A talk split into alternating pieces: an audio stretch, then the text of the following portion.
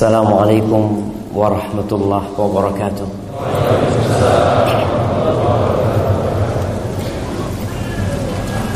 Jamaah nggak bisa nambah orang di masjid ini. Udah disuruh berdiri nggak mereka? Belum. Untuk ngeliat yang berdiri-berdiri di luar sana kepanasan. Nah, apa diperbolehkan masuk? Yang di luar. Kita muat-muatin. Iya, uh, anak ngajak jamaah semua untuk berdiri lah. Sebelum kita mulai kajian. Kecuali yang depannya kamera antum. Tapi nggak apa-apa, kemudian merapat ke depan ya. Terus sudah jangan jauh-jauh, duduk udah. Bismillah. Ya, silakan duduk ibu-ibu. Gak ada yang berdiri di atas. Atas kayaknya lebih luang itu. Ya mohon yang emak-emak berdiri. Berdiri, berdiri, berdiri semuanya. Ya, berdiri. Nah, kemudian maju ke depan dikit. Ya, belakang kosong sana diisi jamaah.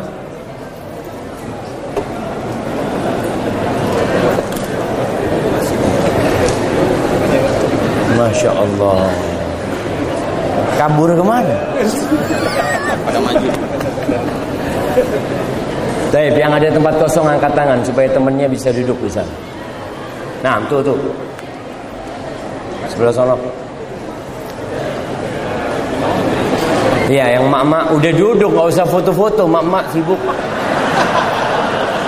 Uh. Nah, yang udah maju udah duduk. Silahkan duduk yang di atas. Nah, kalau udah full panitia tutup pintunya. Ada yang masih kosong? Ya, sebelah situ kosong, sebelah kiri ujung kosong jemaah. Kasih jalan karena harus muter yang luar kayak. Bukan. Masya Allah. Ya, yang masuk ke dalam kayaknya perlu muterin masjid. Tawaf. Tawaf jemaah. Astagfirullahaladzim. Baik, ada buat dua orang. Tuh ada dua orang. Maju-maju bagi-bagi kita jemaah.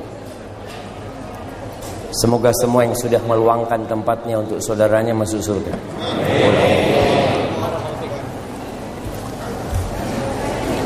Baik. Udah habis.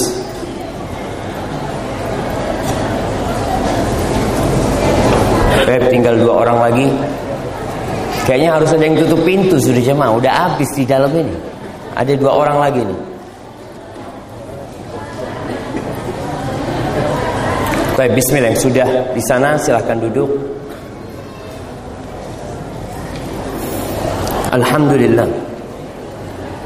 Alladhi hadana li hadha wa ma kunna linahtadiya laula an hadana Allah. Segala puji bagi Allah Jalla Jalaluh yang telah memberikan hidayahnya kepada kita. Yang kalau bukan hidayah Allah Tidak ada satupun manusia yang datang ke masjid ini Tidak ada satupun manusia yang suci dan bersih Kemudian jadi orang baik Allah Azza wa Jal mengatakan Walaula fadlullahi alaikum wa rahmatuhu Ma zaka minkum min ahadin abada Selama-lamanya nggak akan ada yang jadi orang baik Walakin Allah yuzakki man yasha. Tapi Allah lah yang menyucikan siapa yang dia kehendaki. Dan Allah lebih tahu siapa yang pantas dapat hidayah. اللهم لك الحمد كله ولك الشكر كله وإليك يرجع الأمر كله. اللهم صل وسلم وزد وبارك وأنعم على سيدنا ومولانا محمد وعلى آله وأصحابه ومن تبعهم بإحسان إلى يوم الدين. يا الله semoga صلواتك Salam berkah dan nikmatmu Senantiasa engkau curahkan untuk hamba kekasih Untuk baginda Nabi kita Muhammad alaihi salatu wassalam. Kita tidak akan pernah mendengar cerita yang lebih indah dari cerita Rasulullah sallallahu alaihi wasallam. Kita tidak akan pernah mendapatkan berita tentang kebaikan seseorang yang lebih baik dari Rasulullah sallallahu alaihi wasallam. Dan kita semua mengaku pengikut Rasulullah sallallahu alaihi wasallam. Kalau sekarang istilahnya itu follower. Kira-kira antum siap nggak jadi follower Rasul sallallahu Antum harus susah. Antum harus siap meninggalkan sedikit kenikmatan dunia untuk berjuang menegakkan agama Allah. Dan banyak orang yang pandai berbicara. Tapi tak kala dihadapkan kepada jalan-jalan menuju Allah berat buat dia. Kalau hari ini kita berbincang tentang sedikit kenikmatan dunia. Tadi anak masuk tempat ini, anak lihat rumah-rumah yang indah.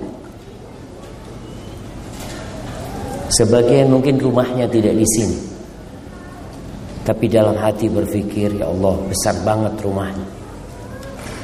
Emangnya siapa yang tinggal? Pembantu. Iya. Ada banyak rumah yang menghuni cuma pembantu dan tukang kebun. Besar rumahnya aja. Anak pernah jalan di sebuah daerah betul-betul anak lihat ya Allah ini bukan di Indonesia loh. Tapi teman yang antar di mobil mengatakan Ustaz tenang Ustaz ini rumahnya pembantu nggak ada isi nggak ada pemiliknya. Ke mana? Wallahu a'lam. Dia punya banyak rumah. Tapi sayang tubuhnya hanya satu dia tidak bisa gunakan dalam satu waktu untuk tinggal di tujuh rumah. Bisa jemaah. Anak punya tujuh rumah separuh kaki anak di rumah sana tangan anak berbincang tentang kenikmatan dunia mau tidak mau antum suka sama dunia. Siapa yang tidak cinta sama dunia? Nak kasih hadiah. Ada yang tidak suka sama dunia Allah sudah menanamkan fitrah itu di hati kita. Dan kita nggak bisa untuk menghilangkan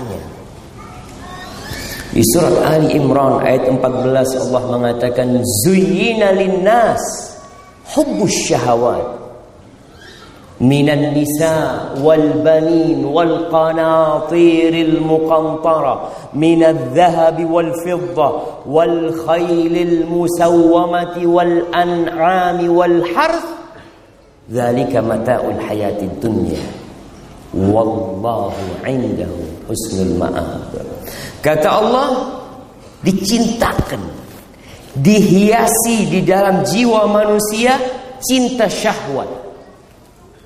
Yang pertama kepada wanita.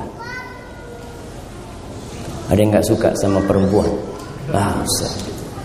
Anda lihat perempuan seperti tembok. Sama aja. Oh, antum harus masuk rumah sakit.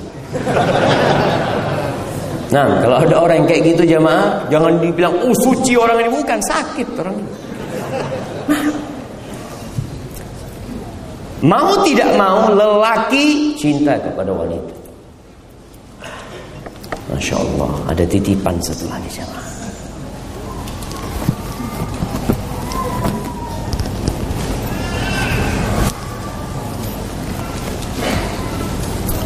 Sudah dicintakan.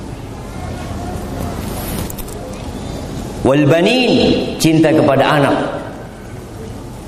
bahkan kalau antum jadi orang kaya punya rumah besar tapi nggak ada anaknya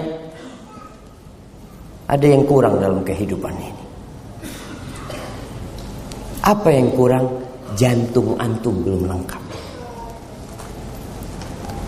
Kata Allah al-mal wal banun zinatul hayatid dunya.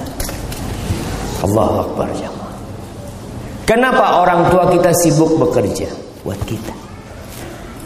Kenapa orang tua kita bikin kamar-kamar di rumahnya? Buat kita? Buat anak-anaknya jemaah. Kenapa mereka berlelah-lelah? Buat anak. Banyak orang tua itu yang makan udah nggak banyak. Anak bertemu dengan perantau-perantau di beberapa negeri. Anak tanya, bang, abang udah tua nggak pulang bang? Saat kalau anak sih udah nggak banyak makannya Ustaz. Tapi anak-anak belum selesai kuliah. Ini yang pada kuliah ingat sama orang tuanya. Antum jangan berkhianat sama orang tua. Banyak di sekolah-sekolah anak sekolah ke Jakarta orang tuanya bertani bercocok tanam tiap bulan kirim duit. Tapi anaknya jadi pengkhianat hasil kerja orang tua. Orang tua cinta sama anaknya. Kalau antum minta jantungnya orang tua dikasih. Karena sejatinya antum jantung dia.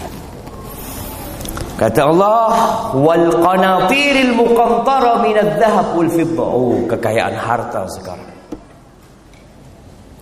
Harta yang bertumpuk-tumpuk. Kenapa rame beberapa waktu yang lalu jamaah orang pamer ATM? Oh, pamer saldo. Seharusnya yang pamer saldo itu datang ke sini. Di sini ada ATM beras. Kasih dia ATM beras, suruh ambil beras. Supaya dia merasakan gimana orang ketika passing ATM yang keluar beras. Dia tahu ini yang bikin anak hidup. Karena ada orang-orang miskin di sana yang bikin anak masih bisa bertahan hidup. Tapi itulah perhiasan dunia. Orang ingin mobil yang bagus-bagus. Motor yang bagus-bagus, jam. Ada jam harganya 10M. Emangnya kalau lihat jam itu gimana hatinya jam? Artinya orang 24 jam anak sejak pakai jam ini Ustaz jadi 27 jam. Anak mau beli itu jemaah. Jadi umurnya bertambah 3 jam dia. Dibohong-bohongin. Tapi itu kecintaan manusia. Hubbus syahwat. Yang sudah dicintakan kepada manusia. Manusia itu ingin memiliki sesuatu yang tidak dimiliki orang lain. Itu manusia. Dia punya mobil. Antum kepingin mobil yang bisa kalau tidak kelasnya beda sama dia. Yang lebih tinggi dikit. Makanya antum lihat kenapa orang jualan handphone itu laku terus. Sudah berapa juta handphone dia bikin, jual lagi ada yang beli lagi, jual lagi ada yang beli lagi. Karena di sini hubus syahwat yang sudah ditanamkan. Emas, perak, wal khairil musawwama, kuda-kuda. Dulu kendaraannya kuda. Walaupun sekarang orang punya kuda juga. Mereka bangga. Antum datang ke tempat ini naik apa? Ada yang motor. Anak naik motor Ustaz. Oh, Masya Allah. Tapi motor harganya 750 juta. Saya naik motor. Ini naik mobil 90 juta. Ada motornya 750 juta. Itu manusia cuman. Dia cinta dengan yang seperti itu. Sepeda. Ada sepeda berapa paling murah? 150 juta. 150 juta. Ada? Ada cuman. Anak terus terang nggak tahu kenapa tadi kalau kita bicara apa memang kalau naik sepeda itu lebih sehat gitu ya daripada yang sepeda 3 juta kayak gitu. apa betul coba? Wallahu a'lam. Anda nggak pernah nyoba soalnya jemaah. Wal an'am binatang-binatang ternak, piaraan-piaraan ya, wal haras kebun-kebun, masya Allah. Lalu Allah katakan dalika mata'ul hayati dunia. Itulah kenikmatan kehidupan dunia. Itulah kenikmatan kehidupan dunia. Mau cari yang lainnya apa sih? Nggak ada sudah. Itu kenikmatan kehidupan dunia. Yang pertama apa? Perempuan, anak, duit, kendaraan, binatang ternak, kebun-kebun. Itu kenikmatan kehidupan dunia. Orang sekarang kadang-kala berebut jabatan, Anda mikir buat apa sih? Capek jadi pejabat itu. Capek nggak jadi bupati Capek. Tapi apa yang diperebutkan ya salah satu dari yang di sini. Itu kenikmatan kehidupan dunia. Wallahu indahu husnul ma'ab. Di sisi Allah itu ada tempat kembali yang paling indah. Jangan lupa sama Allah Azza wa Rasul Shallallahu Alaihi Wasallam nggak takut umatnya fakir, jamaah. Sekarang orang yang berkata, kenapa dia kaya, aku miskin. Alhamdulillah kamu miskin. Kalau kamu kaya mungkin nggak datang kajian. Oh iya juga ya. Alhamdulillah. Kata Nabi alaihi salatu wassalam, "Wallahi." Beliau bersumpah. Wallahi mal faqra akhsha alaikum. Demi Allah aku tidak takut kalian ditimpa kefakiran. Aku nggak takut. Wa inna ma akhsha an tubsata alaikumud dunya kama busitat 'alal ladzina min qablikum. Yang aku takutkan ketika dunia ini dibentangkan buat kalian. Jemaah, antum merasakan apa yang tidak dirasakan Firaun. Antum merasakan apa yang tidak dirasakan Firaun. Apa yang tidak dirasakan Firaun? Buah musim dingin di musim panas kulkas. Ada kulkas zamannya Fir'aun? Wah oh, Fir'aun ya mau musim panas minum air dingin. Nggak ada. Antum sekarang dalam kondisi nggak punya pun bisa menikmati dunia ini. AC kipas angin. Zaman dulu mana ada? Pesawat! Fir'aun kalau mau berangkat jalan-jalan jauh capek dia zaman. Walaupun dia raja sekarang antum Allah Akbar. Mau berangkat ke mana? Ke Mekah. Sembilan jam ada di Mekah. Rasul sallallahu alaihi wasallam berapa hari dari Mekah ke Madinah, dari Madinah ke Mekah sallallahu alaihi wasallam. Nabi mengatakan demi Allah aku tidak takut kalian ditimpa kefakiran. Yang aku takutkan ketika dunia dibentangkan untuk kalian. Apa yang akan terjadi? Fatanafasuha kama tanafasuha. Kalian akan berlomba-lomba bersaing untuk mendapatkannya. Sebagaimana orang-orang sebelum kalian bersaing untuk mendapatkannya. Kemudian hasilnya apa? Semuanya binasa. Gak ada yang berhasil. Karena memang bumi ini bukan tempat bersenang-senang. Rasul SAW pernah mengatakan jemaah La taqumus sa'ah. Kiamat tidak akan terjadi. Kapan kiamat terjadi? Anak kasih hadiah yang bisa jawab. Nah. Masya Allah. Betul, Fadl. Kapan kiamat terjadi? Hari Jumat. Hari Jumat. Jumat kapan? Allah alam. Itu urusannya Allah. Tapi kan Nabi nyebutkan hari Jumat kiamat akan terjadi. Maka hari yang termulia adalah hari Jumat. Tapi kita sedih ketika hari Jumat orang tua tidak bisa berangkat ke masjid bersama anak-anaknya. Nggak bisa dia ngajarin anaknya dengerin khutbah Jumat. Nggak bisa pulang Jumat dia ngajarin istrinya tuh tadi Khotibnya mengatakan ini dan itu karena kita sibuk bekerja di hari Jumat. Kata Nabi alaihi salatu wasallam, "La taqumus sa'ah." Masya Allah. Antum mau berdiri sampai kapan di sana? Sampai kiamat. Nah, nggak apa-apa kalau antum mau berdiri nggak apa-apa, ada masalah. Lebih besar mana pahalanya jamaah? Yang duduk apa yang berdiri? Yang berdiri telat datangnya. Sahih. Kadang-kala antum pikir yang duduk di sini, anak tadi datang jam 7, sudah ada yang duduk jam jam 7. Insya Allah. Antum datangnya telat mah berdiri. Dia pikir udah show pahalanya lebih besar Allah. Ya Allah yang hitung pahalanya buat antum insya Allah. Tapi kiamat tidak akan berdiri. Tidak akan terjadi, tidak akan bangkit hatta yahsiral furat an jabalin min dhahab. Sampai sungai Efrat itu mengering dan muncul gunung emas. Sekarang gunung emas yang masih diperebutkan di mana? Di Freeport. Nanti di sana akan muncul. Terus apa yang akan terjadi dengan manusia? Ada gunung emas. Kata Nabi SAW, yaktatilun nas alaih. Orang-orang akan bunuh-bunuhan untuk mendapatkan gunung emas itu. Fayuqtalu min kulli mi'atin tis'atun wa tis'un. Dari 100 orang yang terbunuh berapa?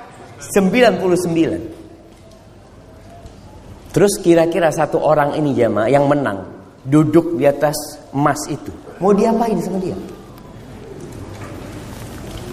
Antum mau makan? Antum mau buat kasur? Nggak enak mas bikin kasur.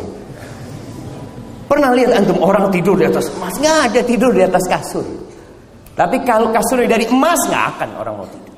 Tapi karena ambisi bunuh-bunuhan dari setiap 199 yang terbunuh. Wa yaqulu rajulin minhum. Setiap orang mengatakan la'alli akunu ana alladhi anju. Mungkin aku yang menang. Itu perebutan manusia, jawab. Anak akan bertanya, kalau ada satu yang menang, kemudian menduduki emas tersebut, sampai kapan dia akan duduki?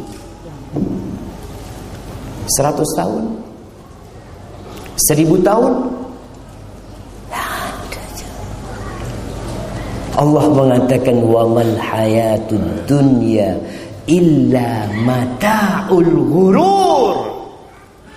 Tidaklah kehidupan dunia ini hanya kenikmatan yang menipu. Kita itu sering tertipu, tapi ya udah namanya orang cinta sama harta mau diapain? Diarahkan kepada yang lebih baik. Kembali kepada pertanyaan kenapa dia kaya, aku kok enggak Ustaz? Apa hikmah dari semua itu? Kalau kita memandang kepada diri kita, maka kita ingin kita yang kaya. Ya kalau bisa ya sering pertanyaan dilontarkan. Lebih baik yang mana? Kaya bersyukur atau miskin bersabar. Antum mau jadi yang mana? Kaya bersyukur antum maunya. Enggak usah, soalnya kalau kaya bersyukur bisa bangun masjid. Ah, antum mau kaya aja, itu lainnya itu kadang kala jamaah. Karena orang berpikir kalau kaya dia lebih nyaman hidupnya, lebih dihormatin, lebih dihargai. Ahibatifillah. Allah Azza wa Jal melihat kepada kehidupan ini dari semua sisi. Kita melihat dari sisi kita saja. Ilmu manusia itu terbatas. Di surat Asy-Syura ayat 12 Allah Azza wa Jal menyebutkan tentang hikmah. Kenapa kok ada yang kaya dan ada yang miskin? Ada yang sehat dan ada yang sakit. Ada yang kuat, gagah perkasa, ada yang lemah. Allah mengatakan lahu maqalidus samawati wal ard. Bagi Allah Azza wa Jal Tahu semua yang di langit dan di bumi. Perbendaraan-pembendaraan yang di langit dan di bumi Itu milik Allah Azza wa Jal. Bukan milik manusia. Bukan milik pemerintahan, bukan milik kerajaan, bukan milik siapa-siapa. Kita hanya numpang di tempat ini. Makanya sering kali kalau antum baca Al-Quran Lillahi ma fis samawati wa ma fil ard Lillah Lahu mulku samawati wal ard Supaya manusia sadar Kalian gak punya apa-apa Kalian punya apa? Kata Allah, "Yabsutur rizqa liman yasha wa yaqdir." Allah meluaskan rizki bagi siapa yang Allah kehendaki. Dan Allah takar. Yabsut itu dilebarkan jangan. Yakdir itu ditakar sama Allah. Ada yang ditakar rizkinya, nggak banyak dia. Lalu Allah tutup ayat ini dengan mengatakan innahu bikulli syai'in alim. Sesungguhnya Allah itu maha mengetahui dengan segala sesuatu. Jadi Allah lebih tahu kita ini pantasnya kaya atau miskin. Kalau keinginan semua ingin kaya. Kalau kita buka Al-Quranul Karim. Ternyata berulang-ulang kali masalah rizki ini Allah sebutkan. Yabsutur rizqa liman yasha. Allah meluaskan rizki bagi siapa yang Allah kehendaki. Masya Allah. Ada izin minum dulu jamaah.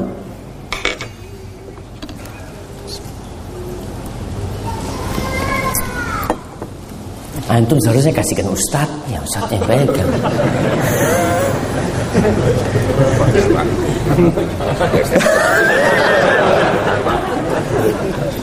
Cuma pertanyaan dikumpulin. Kalau ada yang tanya, kalau ada yang tanya nggak apa-apa, nggak usah direpotin Ustaz. Kalau antum nggak mau tanya, tapi yang mau tanya kotor.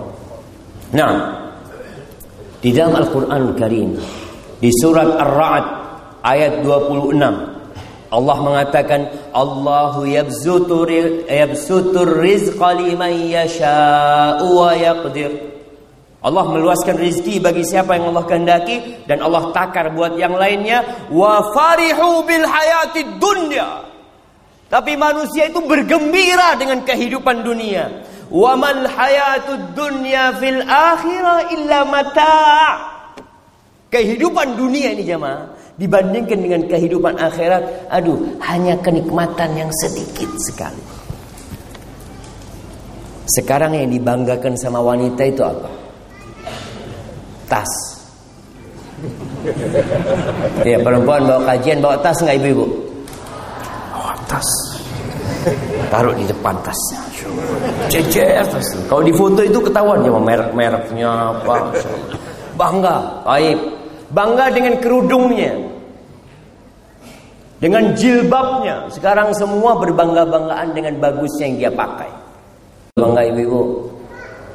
Oh. Jadi datang kajian itu kadang kala mau pakai baju baru doang ya. Ya Soalnya yang ini udah sering dipakai Ustaz, ini baru Biasanya ditanya sama teman, Masya Allah bagus. Makanya mulai sekarang yang tanya bajunya bagus itu jangan temennya, suaminya. Masya Allah bagus banget tentu bajunya. Supaya senang tuh perempuan. Baik. Kerudungnya bidadari surga. Wala nasifuha kata Nabi SAW kerudungnya. Sekarang kerudung paling mahal berapa? Ada yang jualan kerudung di sini? Berapa paling mahal kerudung jemaah? Ada yang satu miliar? Belum. Tuh kerudungnya bidadari surga khairun minad dunya wa ma fiha. Lebih baik dari dunia dan isinya jemaah. Lebih baik dari kota Jakarta dan isinya. Lebih baik dari semua kekayaan orang terkaya di dunia. Kalau dikumpulin nggak bisa beli kerudungnya bidadari surga. Itu cuma kerudungnya jemaah. Cuma kita bangga dengan kehidupan dunia ini. Wala maudhi'u sauti ahadikum fil jannah. Kata Nabi SAW, tempat di surga itu tempatnya cemeti, pecut. Biasanya mereka kalau naik kuda, naik onta, mereka bawa pecut, ditaruh tuh pecutnya itu. Tempatnya itu di surga lebih baik dari dunia dan isinya. Kenapa? Karena semua yang kita kumpulkan akan hancur di sini. Maka Allah ingatkan Allah bikin luas selisih sebagian orang, Allah bikin sempit di surat Al-Isra ayat 30 Allah mengatakan inna rabbaka yabsutur rizqa liman yasha'u wa yaqdir. Tuh, sesungguhnya Rabbmu meluaskan rizki bagi sebagian manusia dan dia juga yang menakar, menentukan rizki sebagian orang. Innahu kana bi'ibadihi khabiran basira. Sesungguhnya Allah itu maha mengetahui, maha melihat dengan kondisi hamba-hambanya. Maka nggak boleh orang itu protes. Ya Allah, bulan ini ke masjid nggak pernah, ngaji nggak bisa, fulus banyak tapi ya Allah. Ana hafal juz amma. Alhamdulillah. Soft pertama di masjid, tapi cari kerjaan ditolak di sana, tolak sini ya Rob. Allah lebih tahu mana yang pas buat antum, mana yang tepat buat antum. Di surat Al-Qasas, surat cerita. Ayat 82, ketika Allah menceritakan tentang Korun.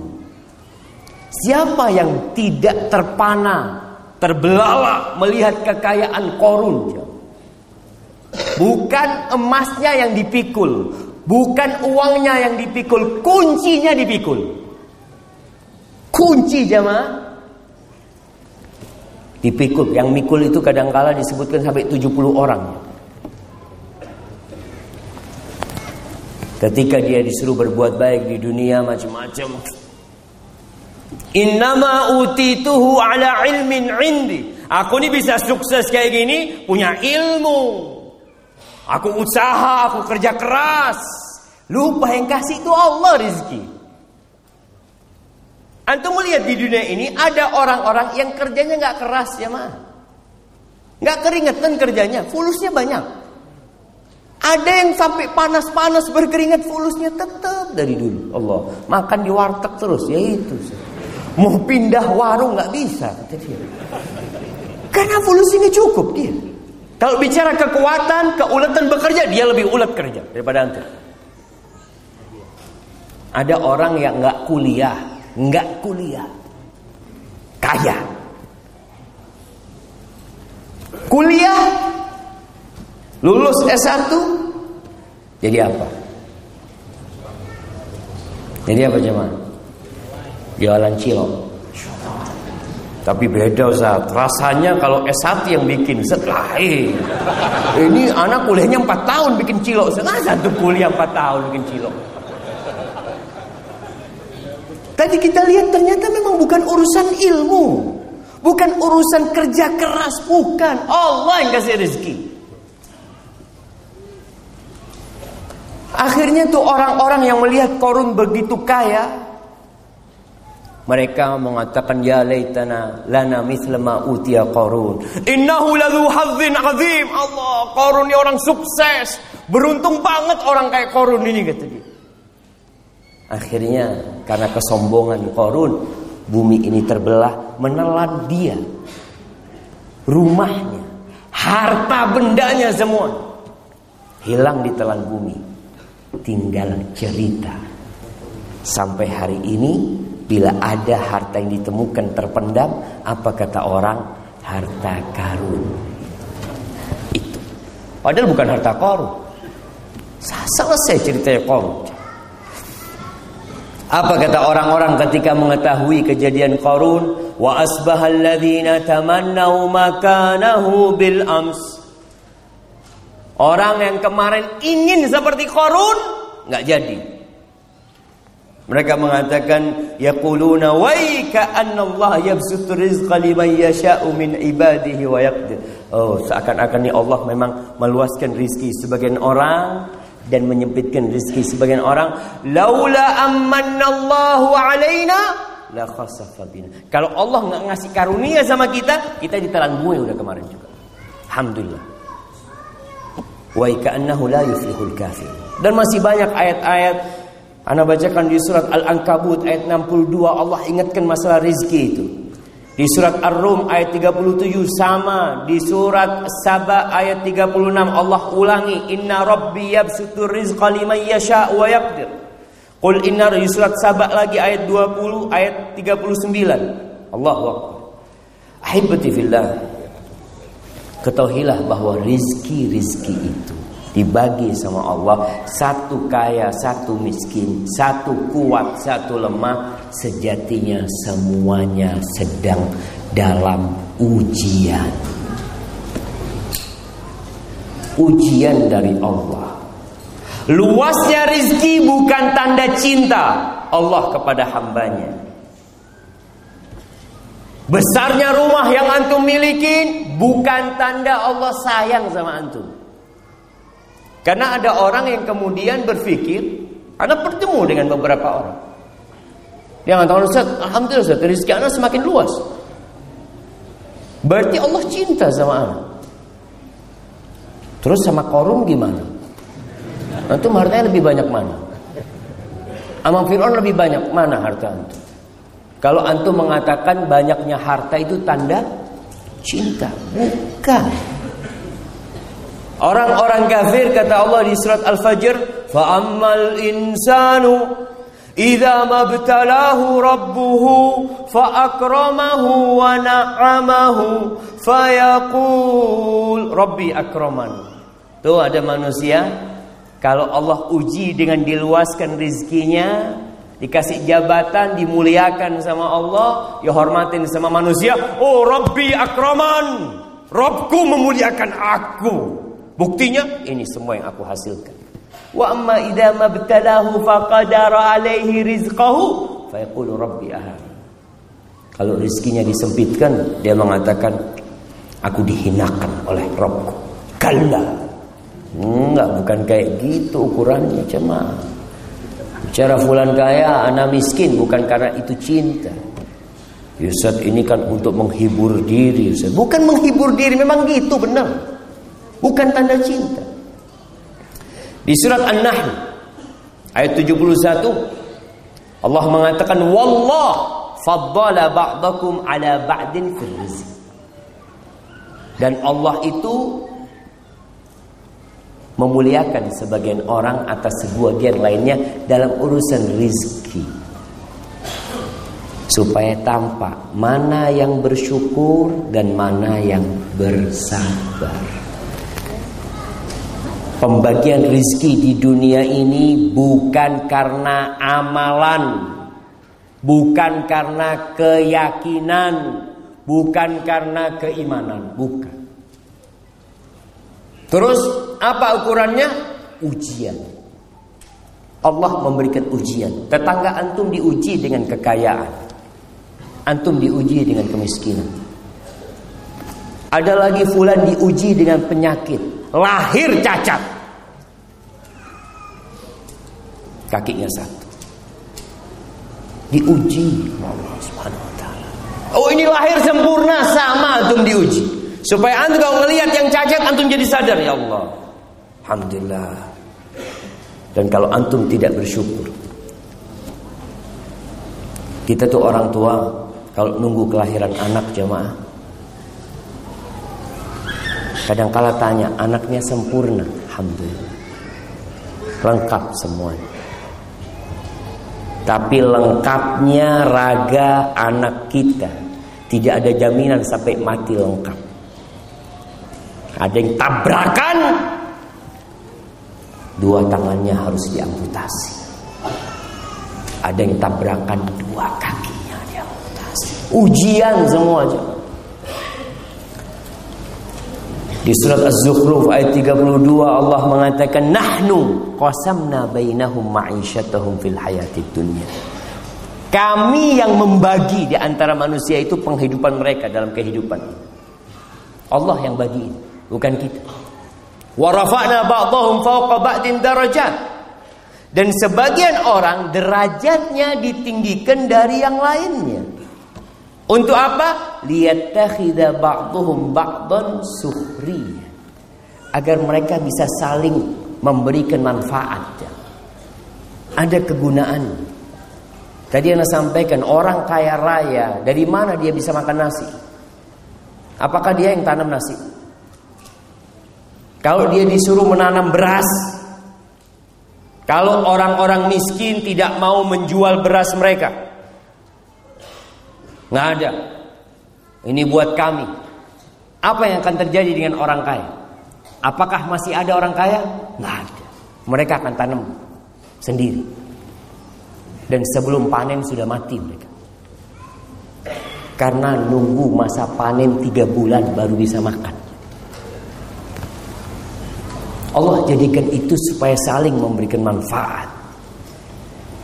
Ahibati fillah, ada yang Allah kasih kekuatan. Badannya kuat. Ada yang satu lemah. Yang lemah ini Masya Allah. Allah kasih rezeki banyak. Kalau dia suruh bangun rumah sendiri nggak mampu. Dia buka usaha sendiri nggak mampu. Tapi dia bisa suruh orang lain yang kerja. Hubungannya antara kaya dan miskin ini saling memberikan manfaat. Jangan dipikir kamu kaya, oh aneh bantu si miskin. Enggak, antum dibantuin sama si miskin.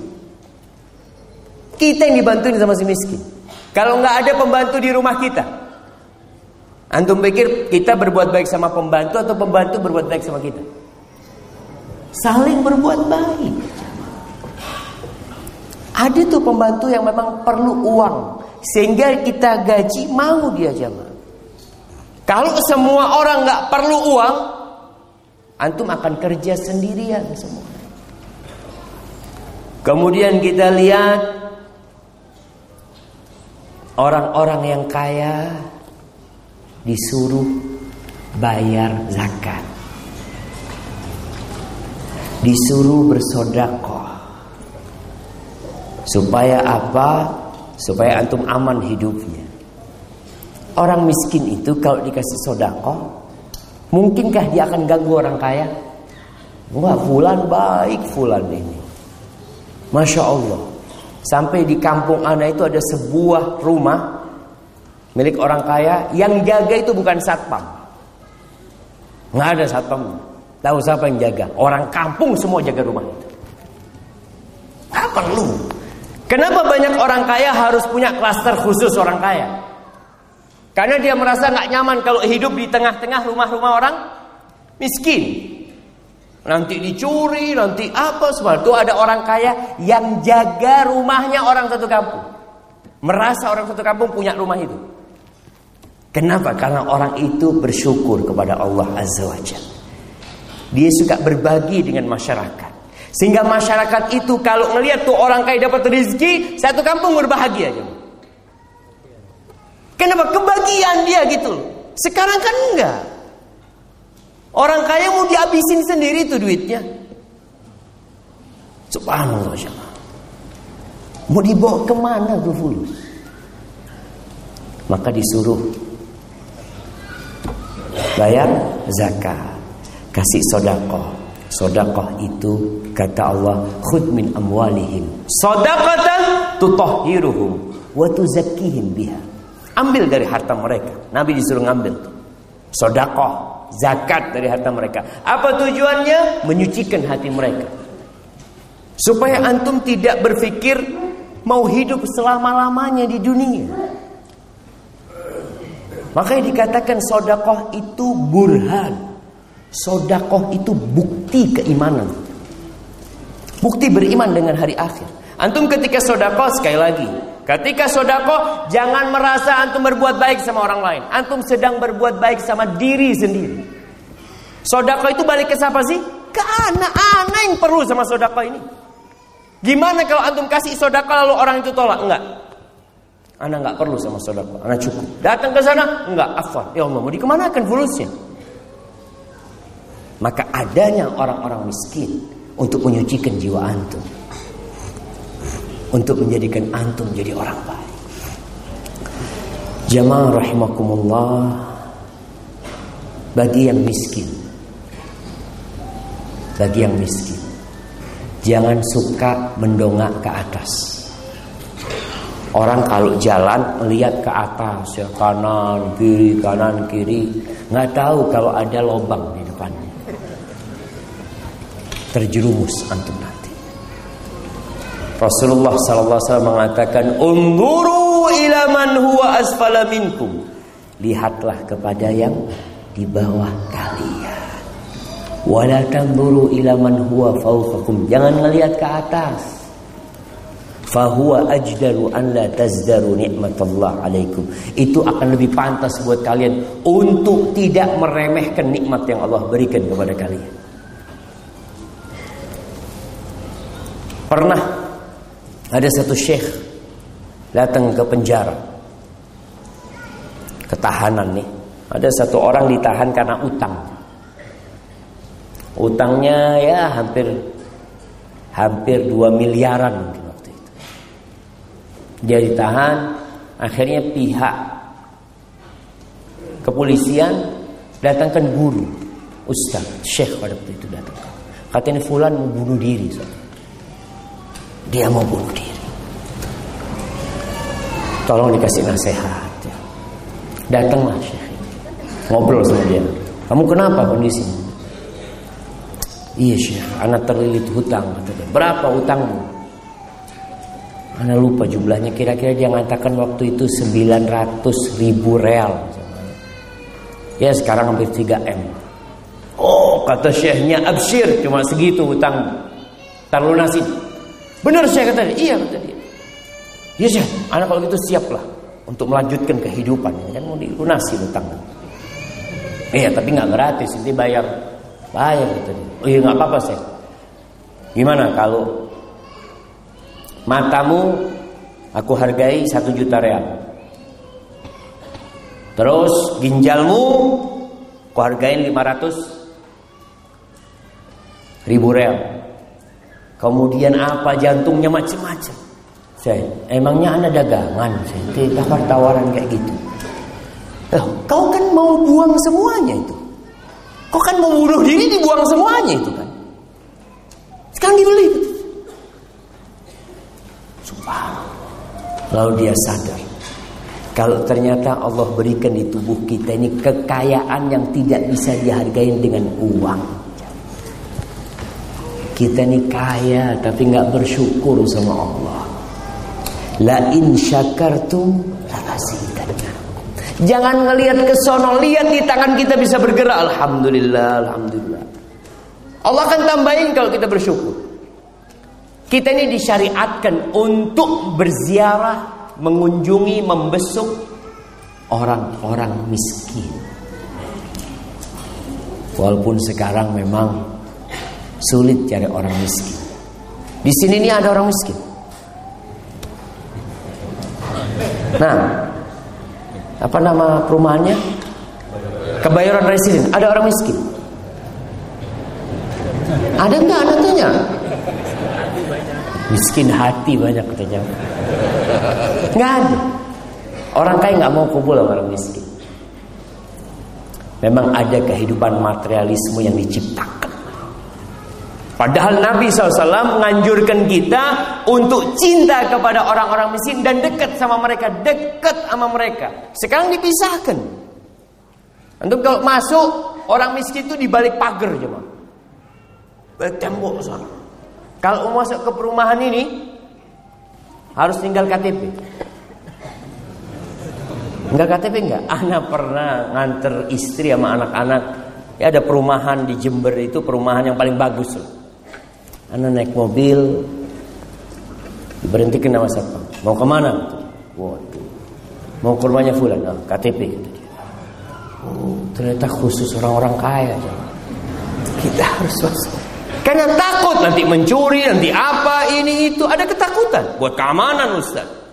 Berarti kan mereka merasakan ketidakamanan Deketlah sama orang miskin. Nggak apa-apa punya perumahan khusus nggak apa-apa tapi tiap pekan datang ke, tempat kampung orang-orang miskin. Bawa sumbangan kepada mereka untuk mengobati hati kita. Dan yang miskin pun terobatin hati. Terakhir, sebelum kita masuk ke sesi tanya jawab. Rasulullah sallallahu alaihi wasallam mengatakan Inna Allah taala yahmi 'abdahu al-mu'min ad-dunya wa huwa yuhibbuhu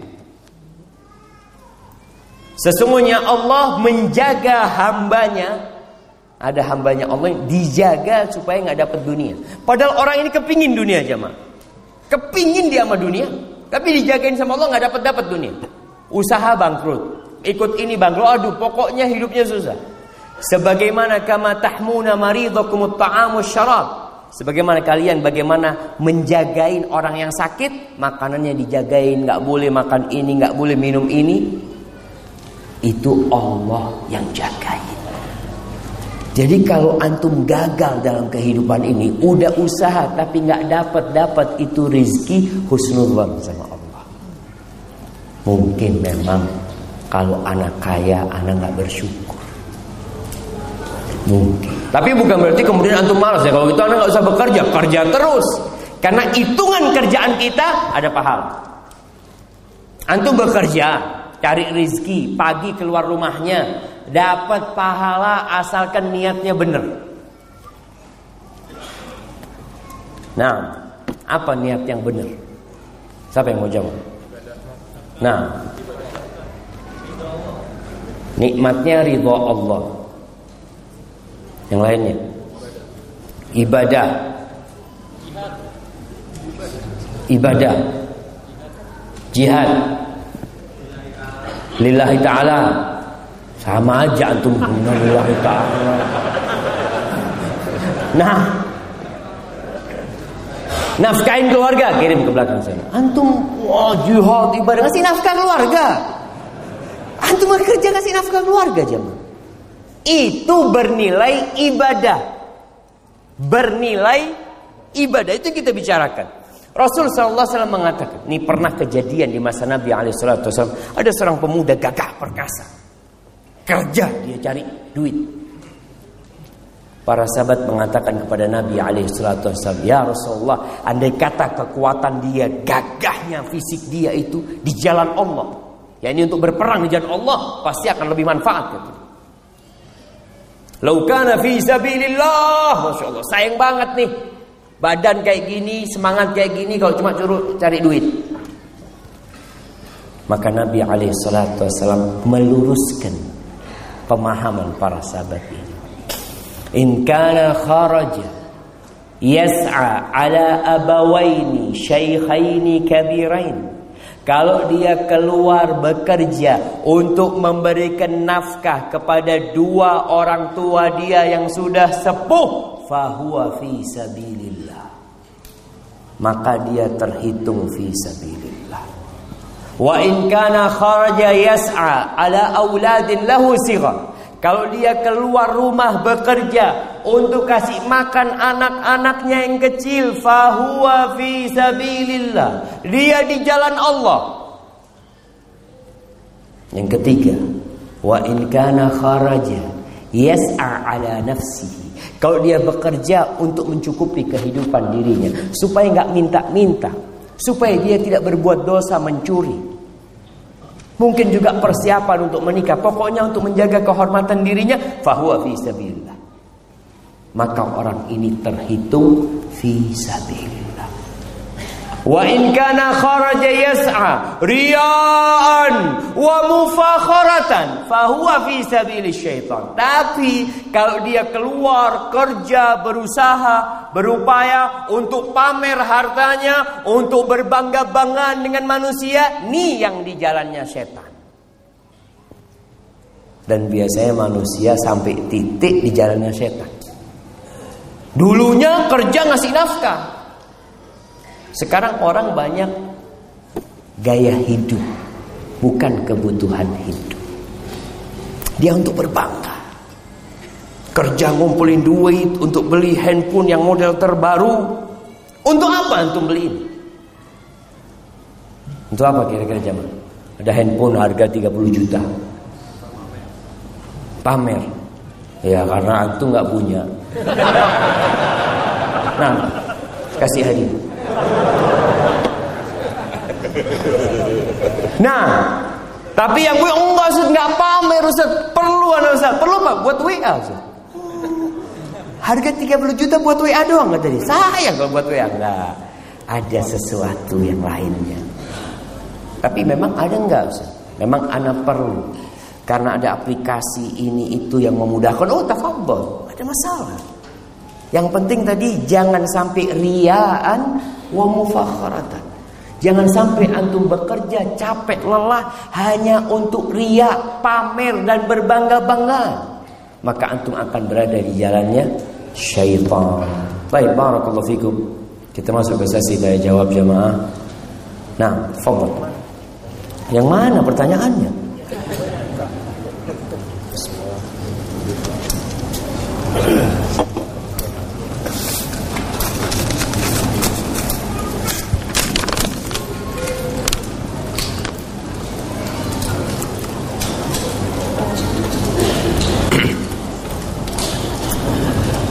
Assalamualaikum warahmatullahi wabarakatuh.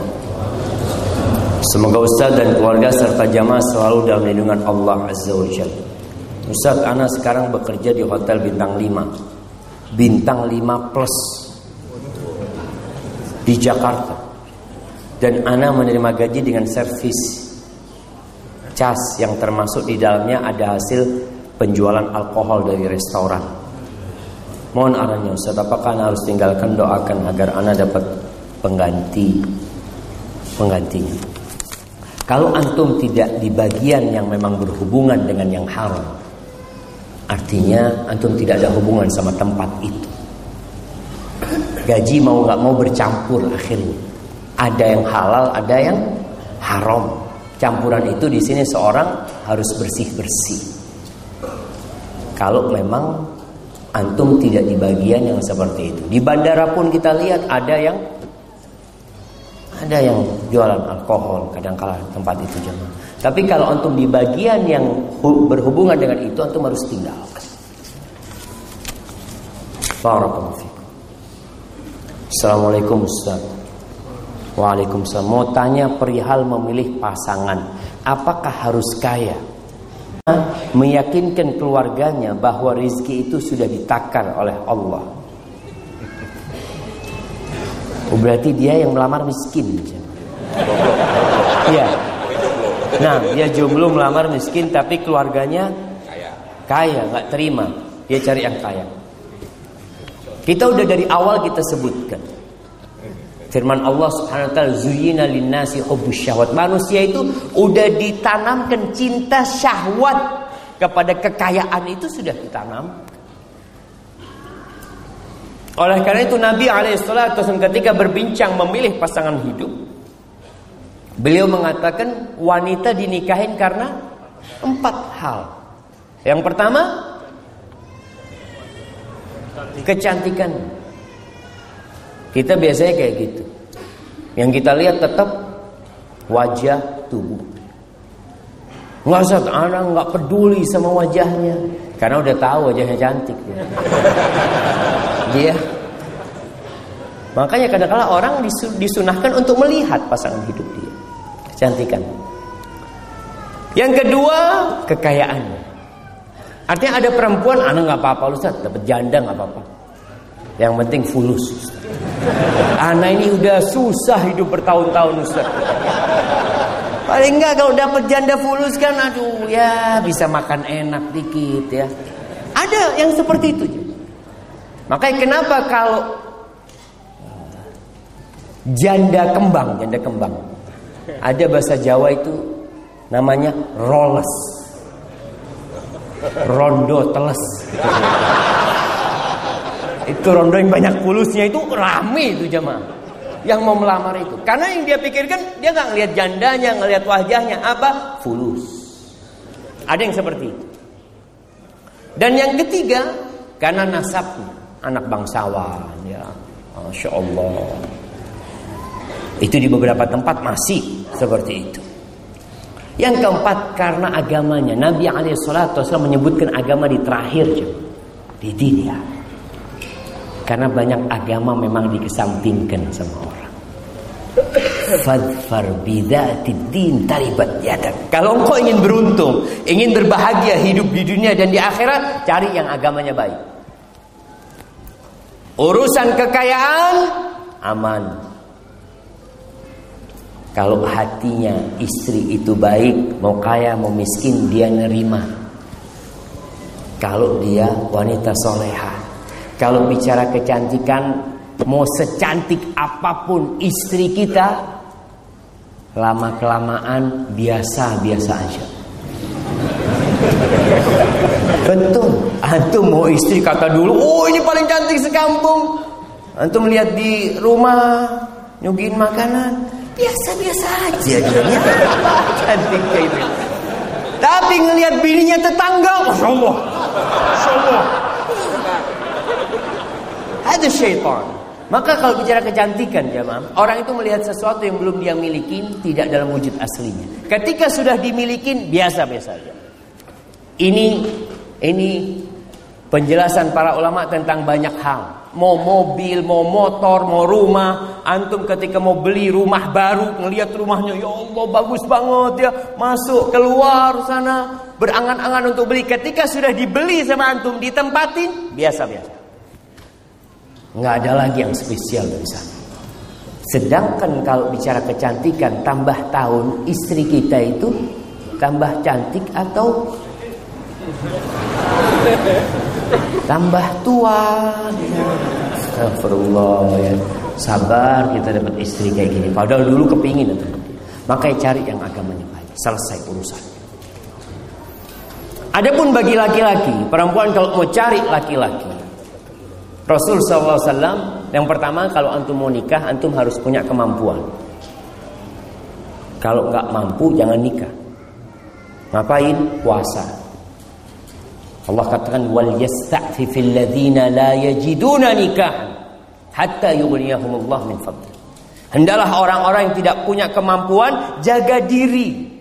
Nggak mampu dia menikah karena nggak punya harta. Jaga diri sampai Allah kasih karunia-Nya. Dengan cara apa? Dengan cara puasa. Dengan cara ya menjaga hati sampai dikasih rezeki menikah. Dua kriteria yang disebutkan Nabi SAW di calon pengantin laki-laki. Yang pertama, agamanya baik, akhlaknya mulia. Kalau bicara agama baik, ada standar. Standar agama baik itu melaksanakan kewajiban meninggalkan yang haram. Itu sudah. Dia alhamdulillah dia belum sholat sunnah saat Cuma sholat lima waktu, alhamdulillah. Berarti standar sudah. Dia Ustaz, hafalan Qurannya nggak ada. Alhamdulillah. Bisa baca Quran, alhamdulillah. Yang standar, akhlaknya mulia. Insya Allah itu sudah cukup. Bahkan Nabi Alaihissalam mewanti-wanti jangan sampai ditolak kalau ada yang melamar agamanya baik dan akhlaknya mulia. Kalau ditolak orang seperti ini, takun fitnatun fil ardi wa fasadun arid. Akan terjadi kerusakan di muka bumi. Akan terjadi kekacauan yang dahsyat. Anak kita akan dizalimi. Antum kalau orang seperti itu ditolak, maka bagaimana cara meyakinkan keluarganya? Ya harus orang lain kalau antum yang meyakinkan nggak yakin mereka, karena antum yang melamar kan antum karena miskin aja ngomong kayak gitu, maka harus lewat orang lain yang memberikan nasihat. Assalamualaikum warahmatullahi wabarakatuh. Waalaikumsalam warahmatullahi wabarakatuh. Pertanyaannya, saya belum lama menikah dan menyuruh istri saya resign tetapi istri ingin tetap berbakti membantu memberikan bantuan finansial ke orang tuanya. Qadarullah istri terkena penyakit yang harus mengeluarkan biaya cukup besar. Namun dari kejadian ini istri tetap ingin memberikan bantuan finansial ke orang tuanya. Mohon nasihatnya Ustaz. Apakah anak tetap memberikan izin untuk tetap memperbolehkan istri memberikan bantuan ke orang tuanya atau tidak? Sedangkan dari kejadian ini anak khawatir terhadap finansial keluarga. Takut tidak bisa memberikan hak-hak kepada istri, anak-anak dan orang tua saya. Syukran jazakumullah khair. Jamaah rahimakumullah anak laki dan perempuan itu berbeda. Antum yang belum menikah, ketika punya anak perempuan nanti atau sekarang yang sudah punya anak perempuan, mendidik anak perempuan ini istimewa. Kalau antum punya dua anak perempuan, dididik dengan baik, disekolahkan, dirawat, kemudian dinikahkan, tuh anak jadi penyelamat antum dari api neraka. Karena setelah antum menikahkan perempuan itu, antum nggak dapat apa-apa lagi. Seakan-akan hasil kerja antum membesarkan anak itu habis. Beda sama anak laki. Anak laki tetap harus Memberikan nafkah kepada orang tuanya. Anak perempuannya enggak. Engkau harus nurut sama suamimu. Hidup sama suamimu udah cukup. Engkau bahagia, orang tua bahagia. Tapi orang tua banyak yang nggak paham itu. Banyak orang tua menyekolahkan anaknya dengan harapan anak perempuannya nanti membalas budi orang tuanya. Ngasih ke orang tuanya. Seperti anak laki enggak, enggak sama. Karena proses pernikahan itu ada peralihan tanggung jawab. Bagaimana ketika seorang ayah mengatakan kepada putrinya, eh kepada putrinya, kepada menantunya, zawajtuka wa angkahtuka makhtubataka binti, kunikahkan kau dengan putriku dengan mahar sekian. Selesai. Suaminya mengatakan, qabiltu. Selesai, diterima sama dia surga dan neraka seorang istri jadi suami. Engkau tanggung jawab di hadapan Allah. Terus bagaimana aku ingin berbakti kepada orang tua? Tetap kalau bisa berbakti, tetap dia berbakti sama orang tuanya. Tapi tidak menelantarkan tugas dia sebagai seorang istri. Maka nih buat para wanita, Sebenarnya cukup menjadi sebuah kebaktian anak perempuan kepada orang tuanya ketika dia tidak pernah menceritakan masalahnya kepada orang tuanya. Bikin orang tua bahagia. Permasalahan di rumah selesaikan sendiri. Cukup orang tua capek besarkan dirimu, sudah nikah masih ngerepotin orang tuanya lagi. Udah, Bapak ibu dengar yang baik-baik aja. Punya masalah sama suami, selesaikan baik-baik. Kalau perlu teman curhat, carilah seorang yang bisa membantu. Tapi orang tua kesian. Kalau dengar anaknya ribut sama orang tuanya, anak perempuan, ya Allah, orang tua sedih sekali. Maka tugas seorang suami adalah mendudukkan istri. Diajarin istrinya tentang bagaimana menjadi seorang istri yang baik. Kebanyakan istri ini nggak ada kuliah peristrian jam. Nggak ada. Dia S1, S2 nggak ada belajar bagaimana cara jadi istri. Yang ada belajar bagaimana cari duit. Bukan jadi istri, bukan jadi ibu buat anak-anak. Sehingga banyak rumah tangga yang menghasilkan anak-anak yang tidak terdidik. Karena memang menikahnya bukan dengan seorang yang dipersiapkan untuk menciptakan generasi masa depan. Maka Jangan dianggap remeh ibu rumah tangga. Anak usul, pekerjaan ibu rumah tangga ditiadakan. Diganti. Ganti apa jemaah? Pencetak generasi masa depan. Kerjanya itu nih. Bukan kasih makan sama anaknya bukan. Anak mencetak generasi masa depan. Soalnya orang memandang ibu rumah tangga, oh ibu rumah tangga nggak kerja ya, nggak kerja. 24 jam mana kerja? Bilang nggak kerja. Karena mereka berpikir kerja itu yang menghasilkan uang. Wallahi jamaah. Kalau antum harus gaji istri antum dengan pekerjaan dia mendidik anak antum, nggak cukup semua gaji antum untuk dia. Apa antum akan berikan kepada istri antum? Jagain anak antum dengan cinta dan kasih sayang. Berapa antum akan gaji cinta dia? Kalau babysitter pembantu, ini dia cuma karena uang mendidik anak kita. Tapi istri kita dengan cinta dan kasih sayang. Dia ngajarin anak kita ngomong dan bicara. Dia ngajarin anak kita jalan. Tahu-tahu antum pulang kerja, anak kita sudah bisa berdiri. Ya Allah, anak kita sudah bisa ngomong, udah bisa baca Al-Fatihah. Sampai ngajarin istri antum. Mau digaji berapa dia? Tapi sebagai seorang suami katakan kepada istri, udah kau nggak usah kerja. Sebagian rizkiku insya Allah untuk bantu orang tua. Rizki yang seharusnya bayar pembantu, bayar apa udah nggak ada lah. Semuanya untuk bantu orang tua. Insya Allah lebih diberkain sama Allah SWT. Tapi masalahnya tadi banyak perempuan yang nggak pernah sekolah bagaimana menjadi seorang istri. Aduh, Allah Ustaz, semoga Allah merahmati Ustaz dan jamaah sekalian. Ustaz, mohon doanya untuk saya hijrah dari keburukan. Dan ana mohon nasihat sebagai pelajar yang takut kepada Allah Azza Oleh jamaah teman-teman yang sedang belajar, yang sedang kuliah, yang sedang SMA.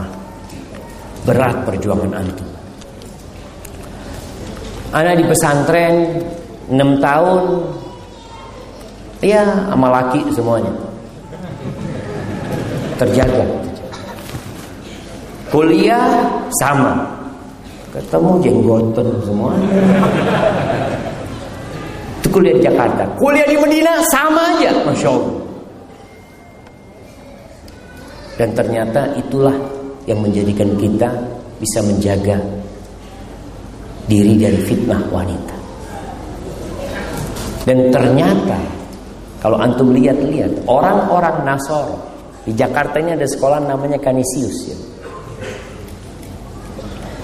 Itu khusus laki-laki, Katolik sekolah. Didirikan tahun 1929 masih zamannya Belanda. Belanda udah bikin sekolahan, nggak boleh laki campur sama perempuan. Oh kenapa kata dia? Mau belajar ini. Terus nanti kalau mau kawinnya nikah aja kalau udah lulus. Emangnya anak-anak mau diajarin apa di sekolah kalau harus kumpul laki perempuan? Dan Indonesia darurat HIV sekarang jemaah. Nauzubillah min dzalik. Mana sering sampaikan di beberapa kajian hasil riset Menteri Kesehatan dan Komisi Perlindungan Anak 62,7 persen anak-anak itu sudah pernah melakukan seks bebas di negeri kita. Kenapa? Ya karena sistemnya yang ada seperti itu. Anak SMA, anak SMP. Kenapa mereka harus kumpul lagi perempuan sih? Ini yang Nasoro, yang Katolik, yang non Muslim. Berani bikin sekolah khusus laki-laki. Dan lulusannya bagus-bagus. Karena serius sekolahnya. Tapi kalau kumpul sama cewek-cewek zaman sekolah berangkat Kadang-kadang yang dibawa cuma sisir mah. Bawa buku sisir di sekolah.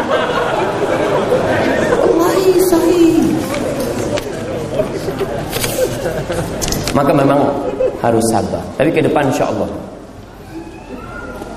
Di Malaysia, ada teman Malaysia cerita, Ustaz, di tempat kita ada sekolah yang dibangun Inggris, Ustaz. Inggris yang bangun tempat kita. Tahun 1904 apakah? Dia katakan, khusus laki-laki.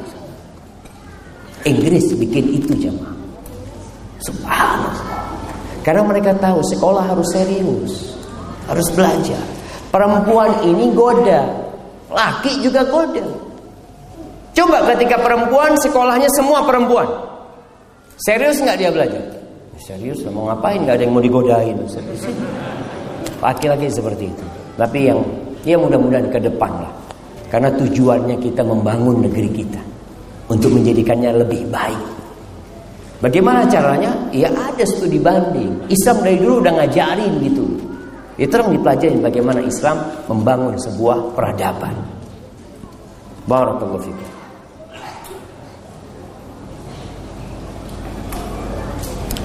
Anak saya bekerja di bank konvensional. Setiap bulan kami dikirimkan uang kalau dibilang kami sebagai orang tua tidak terlalu butuh uang tersebut sebab kami masih bisa membiayai diri kami sendiri. Pertanyaan saya apakah saya dosa mendapatkan apakah saya mendapatkan dosa riba jika saya menerima uang tersebut dan apa hukumnya apabila anak saya menambahin biaya umroh atau haji saya apabila um, apakah umroh dan haji saya sah jazakallah khairan.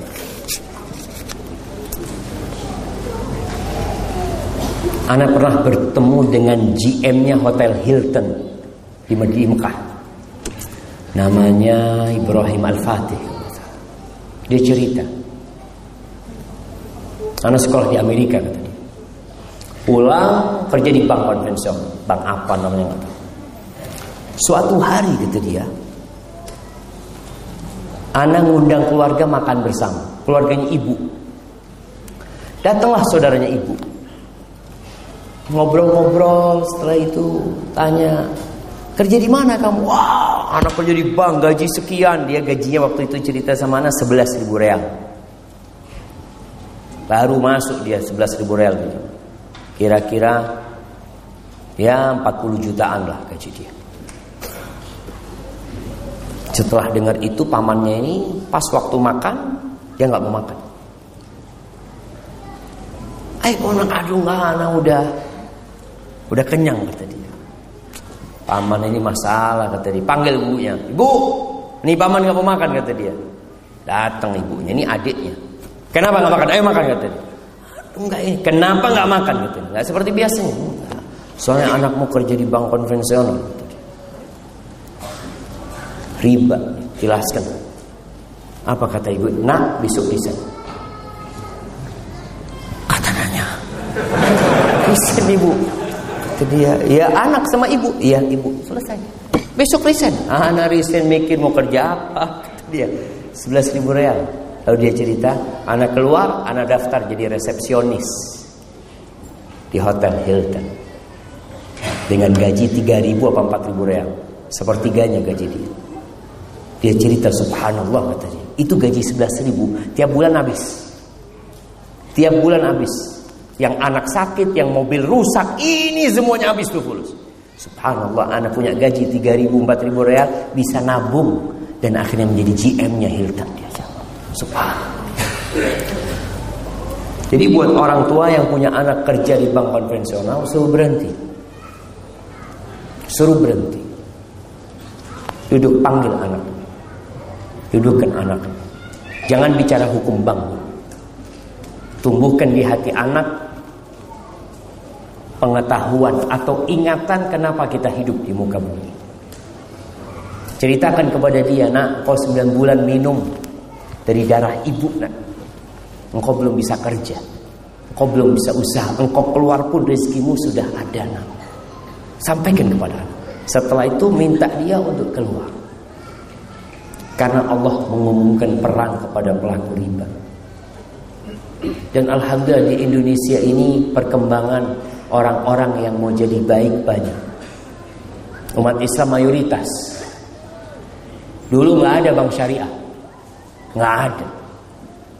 Sekarang ketika banyak yang sadar, alhamdulillah tuntutan adanya bank syariah muncul. Walaupun bank itu belum 100% syariah, tapi usaha untuk menjadi syariah ada. Maka sampaikan kepada anak agar dia berhenti. Adapun pemberian anak kepada orang tua dari hasil riba, kalau orang tuanya tidak butuh, jangan diambil. Kalau terpaksa dia perlu sama uang itu, ada masalah. Tapi kalau dia nggak butuh sama tuh duit, jangan. Supaya anaknya juga belajar. Tahu kenapa orang tuanya tidak mau. Dan insya Allah mudah-mudahan anaknya kembali kepada Allah SWT. Hadza wallahu a'lam. Assalamualaikum Ustaz. Waalaikumsalam. Semoga Allah merahmati Ustaz dan seluruh umat Islam. Saya ada pertanyaan titipan yang saya belum berani menjawabnya karena takut salah. Pertanyaannya, apa perbedaan antara adab dan akhlak? Nah, bagaimana cara seorang istri untuk berbakti kepada orang tuanya sedangkan ia ikut suami tinggal di luar pulau? Pertanyaan pertama, perbedaan antara adab dan akhlak. Akhlak itu sifat. Akhlak itu karakter. Yang tertanam di dalam jiwa.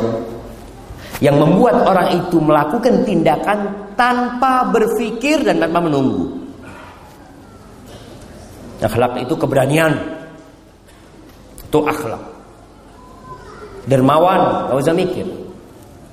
Ada orang perlu dibantu, masya Allah. Anak pernah berjumpa dengan satu orang di Jeddah jemaah. Anak kalau lihat nggak ada orang akhlaknya kayak dia, masya Allah. Ketika anda nulis disertasi tentang peran lembaga dan ormas Islam dalam membendung pemurtadan di Indonesia, kadang-kadang kita perlu pulang ke Indonesia, butuh dana. Setiap anak telepon ke dia, jawaban dia satu, absyir, aman. Ada kabar gembira buat engkau. Terus ya Allah karim. Ini orang masya Allah. Itu akhlak, nggak dibuat-buat. Sifat yang tertanam di dalam jiwa yang mendorong orangnya untuk melakukan tindakan tanpa berpikir itu akhlak. Tapi kalau adab itu cara dalam menyikapi sesuatu. Ada adab makan, bukan akhlak makan. Adab makan, tata cara makan yang sesuai dengan ada adab tidur. Ada adab bertamu. Itu adab babnya. Tapi kalau akhlak adalah sifat. Namun sebagian ulama menjadikan adab itu akhlak yang mulia. Karena akhlak ini ada akhlak buruk, ada akhlak mulia. Jadi umum kalau akhlak itu. Kalau akhlak yang baik dimasukkan sebagian ke dalam adab. Hadza wallahu a'lam. Orang kaya gemar sodakoh. Bagaimana ibadahnya orang miskin?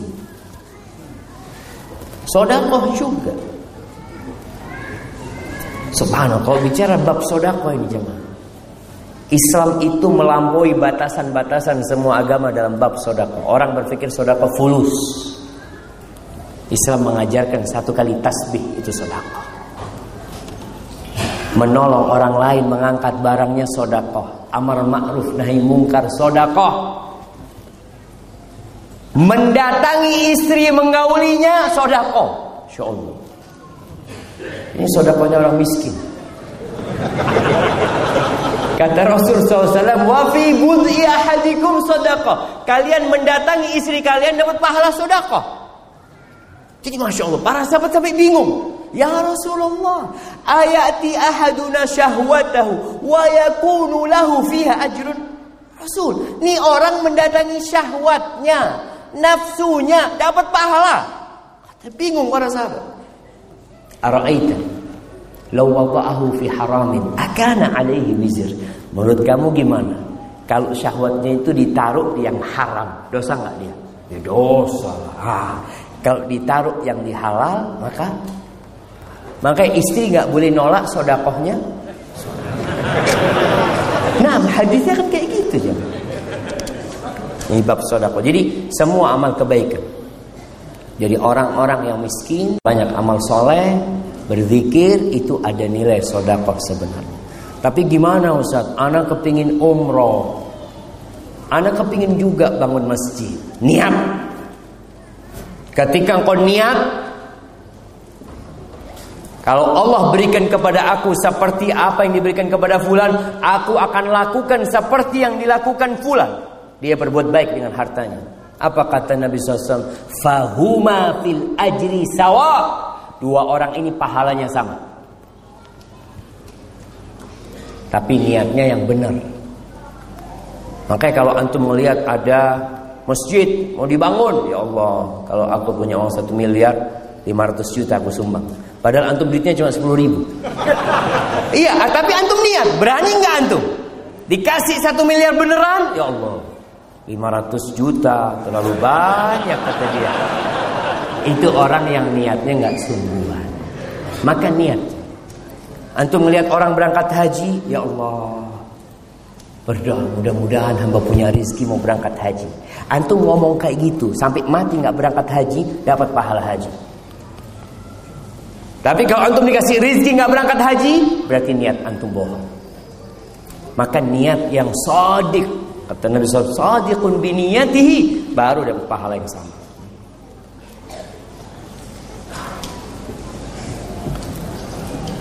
Assalamualaikum Ustaz. Waalaikumsalam. Sudah bertahun-tahun saya bekerja di bank konvensional. Sejak Agustus lalu saya memutuskan untuk resign. Tapi saya tidak memberitahu orang tua dan istri saya. Karena sebelum mengajukan resign, saya sudah bilang ke mereka bahaya riba. Tapi mereka tidak mempedulikan bahaya riba. Dan kini saya setiap hari ngegrab car tanpa diketahui orang tua dan istri saya. Mohon tanggapannya Ustaz. Jazakallah khair. Jemaah rahimakumullah. Allah mengatakan walladzina jahadu fina lanahdiyannahum subula wa innallaha la ma'al muhsinin. Dan orang-orang yang bersungguh-sungguh berjuang mencari keridhaan kami di jalan kami pasti kami kata Allah kami tunjukin jalan-jalan kami. Allah itu bersama orang-orang yang suka berbuat baik.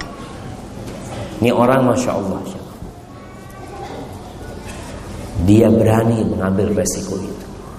Tapi satu sisi dia tidak ingin menyakitin orang tuanya. Menyakitin istrinya. Antum perlahan-lahan tetap berdakwah kepada orang tua. Tunjukkan akhlak yang mulia. Dan kalau antum hijrah, antum akan diuji dan dicoba sama Allah. Ingat kisah Ashabul Ukhdud. Bagaimana kisah Gulam Ketika dia berhasil melempar itu binatang dan kemudian menyingkir binatang tersebut sehingga orang bisa jalan, kata pendetanya, "Ya gulam, engkau akan diuji. Engkau akan diuji." Dan persiapkan menghadapi ujian itu. Apa yang perlu dipersiapkan? Perbanyak baca hasbi Allah wa ni'mal wakil. Cukup Allah buat aku. Allah sebaik-baiknya penolong. Itu ucapan yang diucapkan oleh Nabi Ibrahim alaihissalam. Ketika Nabi Ibrahim dilemparkan dari alat pelontar menuju kepada api. Karena kaumnya membuat api yang begitu besar sehingga mereka pun tidak bisa mendekati api tersebut. Akhirnya mereka bikin alat pelontar. Ketika dalam pelontaran itu Nabi Ibrahim jemaah, Nabi Ibrahim ditelanjangin sama kaum. Antum lihat ujian Nabi Ibrahim begitu dahsyatnya. Ditelanjangin sama kaumnya, dilemparkan ke api, datang malaikat Jibril menawarkan pertolongan. Alaka ilayya hajah, Ibrahim, kau perlu bantuanku. Kata Nabi Ibrahim, amma ilaika fala. Kalau sama kau, aku nggak ada perlu. Ini tingkat tauhid keimanan seorang nabi. Engkau makhluk sama sama aku makhluk. Engkau tidak akan bisa berbuat kecuali yang Allah kasih izin. Amma ilallah fana. Tapi sama Allah, aku perlu bantuan Allah sekarang. Lalu Nabi Ibrahim mengatakan hasbi Allah wa ni'mal. Apa yang terjadi? Allah kirimkan hujan es? Tidak. Allah kirimkan angin yang mematikan itu api? La. Allah Rabbul Alamin. Allah itu Tuhannya api. Allah hanya mengatakan kepada api, Ya nar, kuni bardan wa salaman ala Ibrahim. Wahai api, jadilah engkau sejuk dan keselamatan buat Ibrahim. Selesai diuji Nabi Ibrahim selamat. Nanti istrinya diuji dengan istri yang nggak punya anak bertahun-tahun. Nabi istrinya nggak punya anak bertahun-tahun. Sampai seperti itu. Punya anak nggak boleh ngelihat anaknya. Nabi Ibrahim punya anak, anaknya suruh taruh di Mekah. Bertahun-tahun, puluhan tahun baru melihat Ismail dalam gendongan Yesus bawa ke Mekah, tinggal di sana. Nggak ada siapa-siapa di sana jemaah. Lihat ketika orang bergantung sama Allah. Itu istrinya Nabi Ibrahim. Hajar berkata kepada Nabi Ibrahim, ditaruh di sana, ditinggalin air satu wadah sama kurma. Nabi Ibrahim balik. Kata istri, "Ya Ibrahim, ilaman takiluna?" Kamu titipkan kami kepada siapa di sini? Nabi Ibrahim diam. Dia jalan dengan kendaraan, nggak noleh, nggak tega Nabi. Ditanya lagi sama istri, ya Ibrahim, titip engkau titipkan kami kepada siapa? Terus Nabi Ibrahim. Yang ketiga kalinya istrinya sadar, kayaknya pertanyaannya anak yang salah. Maka dia rubah pertanyaannya. Ya Ibrahim, Allahu amaraka bihada. Apakah Allah yang memerintahkan kepadamu untuk melakukan ini? Kata Nabi Ibrahim. Kata istrinya, silahkan kau pergi. Allah tidak akan melantarkan kita di tempat ini. Silahkan kau pergi. Tapi butuh perjuangan jamaah. Antum pikir istrinya Nabi Ibrahim diam duduk-duduk di sana. Ketika air sudah habis, susunya udah kering, kurma juga sudah habis, Ismail menangis, ditinggal sama ibu. Aku akan cari air. Dia percaya sama Allah, tetap ada usaha. Dan kita akan diuji. Jadi buat teman-teman yang hijrah, sabar. Antum ujiannya tidak sebesar ujian tukang sihirnya Fir'aun. Tukang sihirnya Fir'aun itu pagi hari masih musyrik, sore hari sudah beriman dan disalib di pohon-pohon kurma. Dibantai sama Fir'aun. Ribuan jumlah mereka. Jadi kalau antum cuma kehilangan pekerjaan, kehilangan mobil, kadangkala ada yang harus kehilangan orang tuanya, kehilangan istrinya. Perjuangan para sahabat yang hijrah itu jamaah diusir semua orang tuanya. Nabi Ibrahim itu kehilangan bapaknya. Dia cinta sama bapak. Tapi kata bapaknya, "Ya Ibrahim, la illam tantahi la arjumannak." Ibrahim kalau kau nggak berhenti ngasih nasihat aku, aku akan lemparin engkau dengan batu. Wah jurni mania. Sana kau pergi tinggalkan aku sendiri. Subhanallah. Gimana anak diusir sama orang tuanya. Tapi Nabi belum tetap berusaha baik sama orang tuanya. Maka buat teman-teman yang hijrah hendaklah bersabar.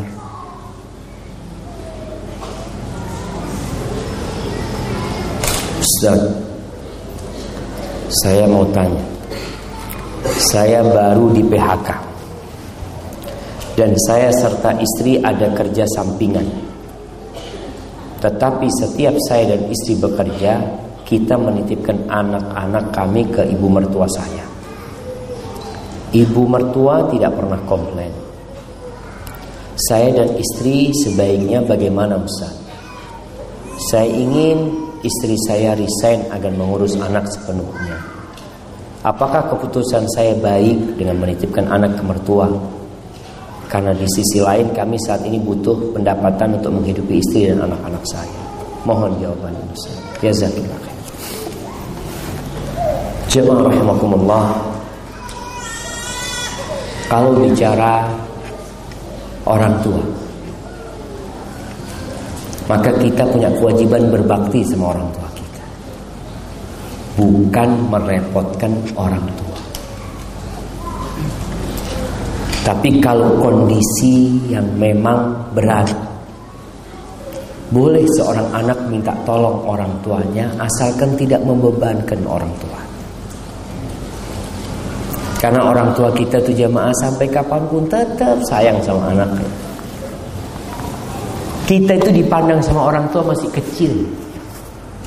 Masih perlu bantuan dia. Dan ada seorang anak ya Allah, anak kalau ngelihat anak berbakti sama orang tuanya itu jamaah iri ya. Ada seorang anak dia itu tiap tahun kira-kira kirim duit ke orang tuanya 100 ribu real. Tiap tahun, tiap bulan. 370 juta dia kirim duit kepada orang tuanya. Sukses anak. Tapi kalau dia berangkat kepada ke rumah orang tuanya, dia nggak bawa duit. Dia nggak bawa duit. Dia memang sengaja anak tinggal dompet apa anak tinggal. Kadang-kala belanja sama ibunya ke supermarket, sampai supermarket, Umi, anak nggak bawa full Umi. Kata Uminya, abshir, tenang, pakai duitnya Umi. Dia ingin supaya dia tetap kecil, dia perlu sama ibunya. Dan Allah mengingatkan kita supaya kita itu ingat kalau kita ini masih kecil. Di hadapan orang tua, kita tetap anak pangkatnya. Maka Allah suruh kita berdoa apa doanya? Wa qur rabbirhamhuma kama rabbayani saghira. Ya Allah rahmatin keduanya sebagaimana mereka merawat aku ketika kecil. Sampai antum tua tetap doanya itu. Supaya ingat kita kecil. Maka antum kalau bisa tidak merepotin mertua udah tua, udah capek, dia udah kasih anaknya sama antum, antum repotin. Kalau istri bisa resign, itu akan lebih baik. Resign dari pekerjaan bukan berarti perempuan tidak bekerja. Alhamdulillah banyak pekerjaan yang bisa dilakukan. Tetap bergantung sama Allah SWT, jangan pernah bergantung kepada pekerjaan kita. Yang kasih rizki itu bukan bos kita, bukan perusahaan kita yang kasih rizki itu Allah tapi kita tetap berusaha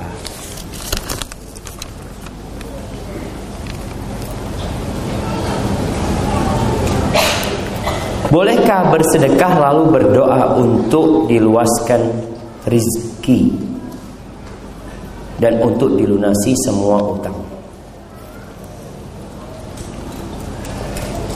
Mengapa ketika melakukan hijrah semua masalah bertubi-tubi datang?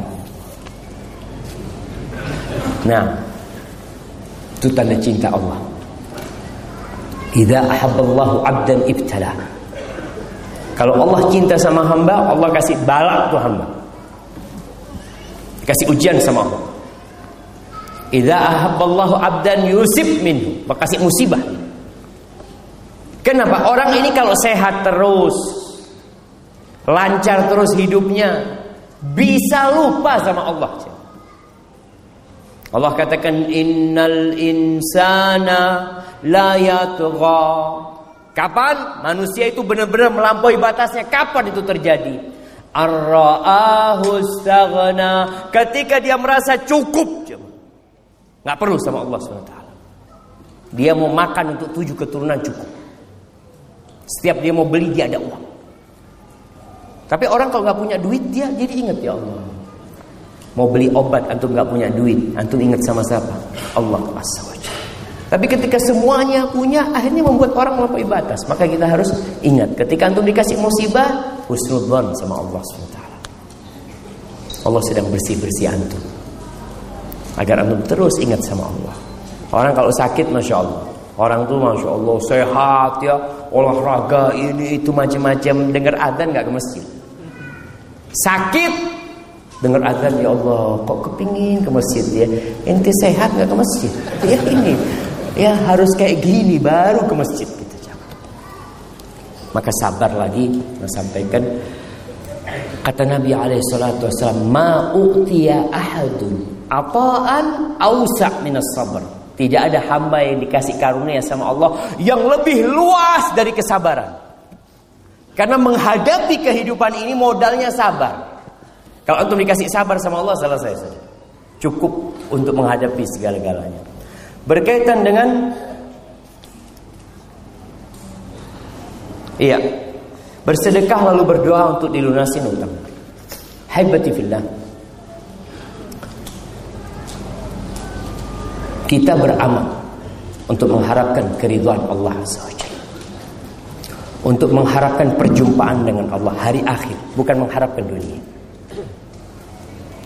Orang yang beramal lillahi taala dan berharap akhirat, maka Allah akan berikan semua keindahan dia. Kalau orang bersedekah, dia lillahi taala, tidak riya. Tapi dia berharap balasan dunia, maka dikasih balasan dunia. Kalau dikasih dunia, akhirat la syai'.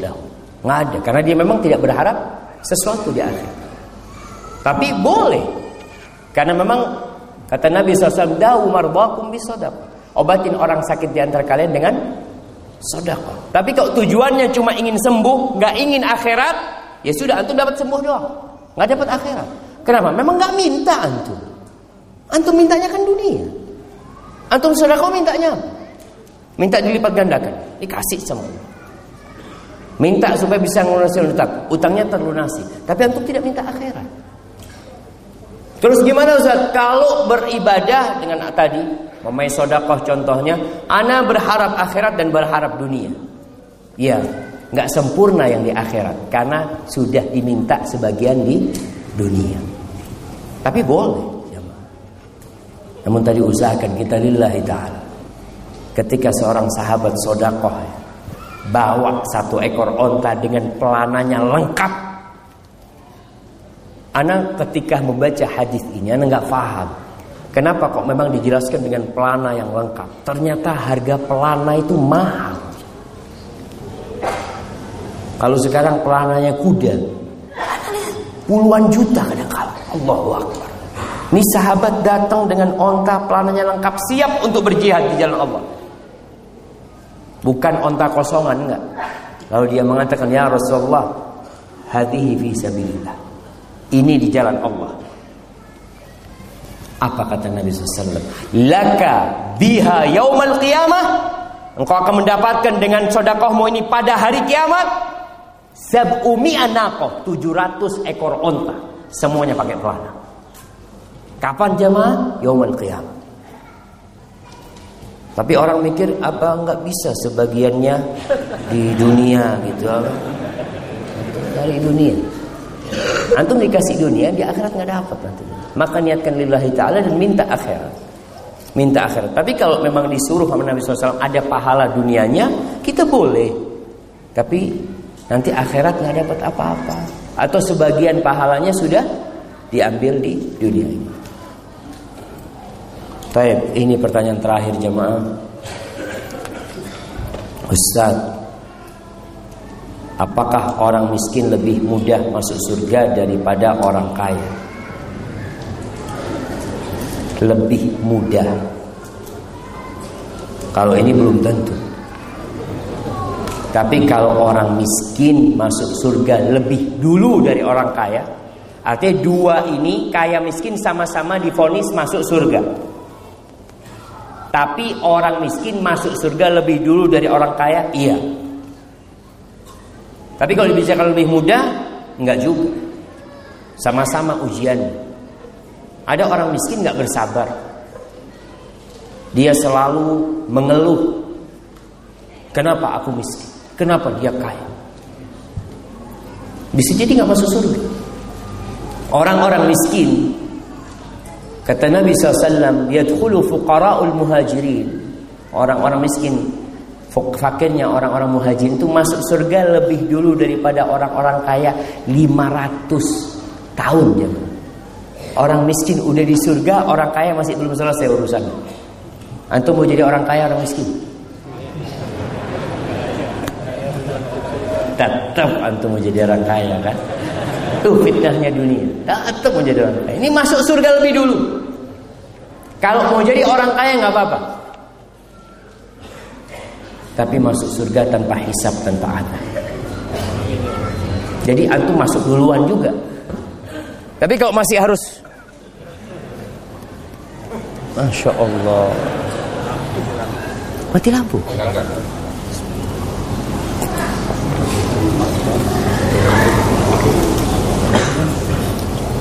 Obrigado.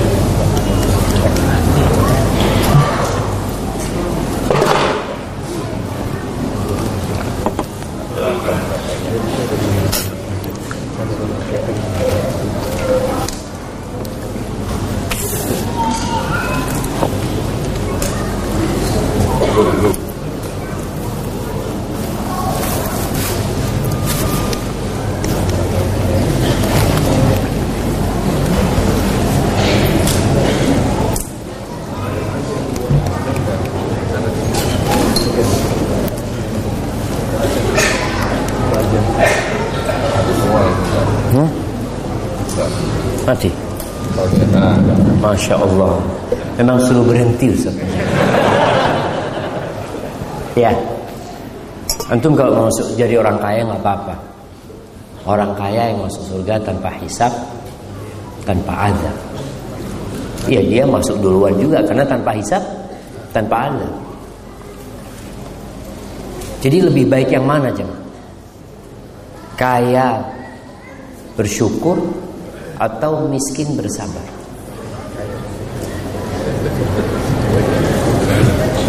Sebagian mengatakan orang miskin memang masuk surga lebih dulu.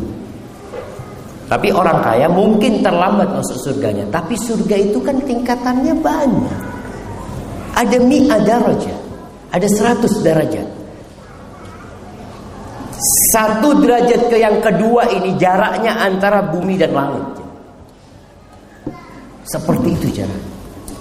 Jadi bisa jadi orang kaya ini terlambat masuk surganya tapi dia berada di derajat yang tinggi. Maka ya kalau minta surga, kata Nabi SAW mintalah surga Firdaus. Itu surga paling tinggi. Perlu perjuangan dan pengorbanan. Maka ikhlaskan niat lillahi ta'ala. Berharaplah karunia Allah. Semua yang kita miliki akan kita tinggalkan. Yang ada tinggal amal soleh kita. Jangan. Apabila yang anda sampaikan benar itu dari Allah Azza wa Jal Kalau ada yang salah dan kurang berkenan Itu dari diri anda pribadi Allah dan Rasul yang terbebaskan dari kesalahan itu. Subhanallahumma bihamdika asyhadu an la ilaha illa anta astaghfiruka wa atubu. Assalamualaikum warahmatullahi wabarakatuh.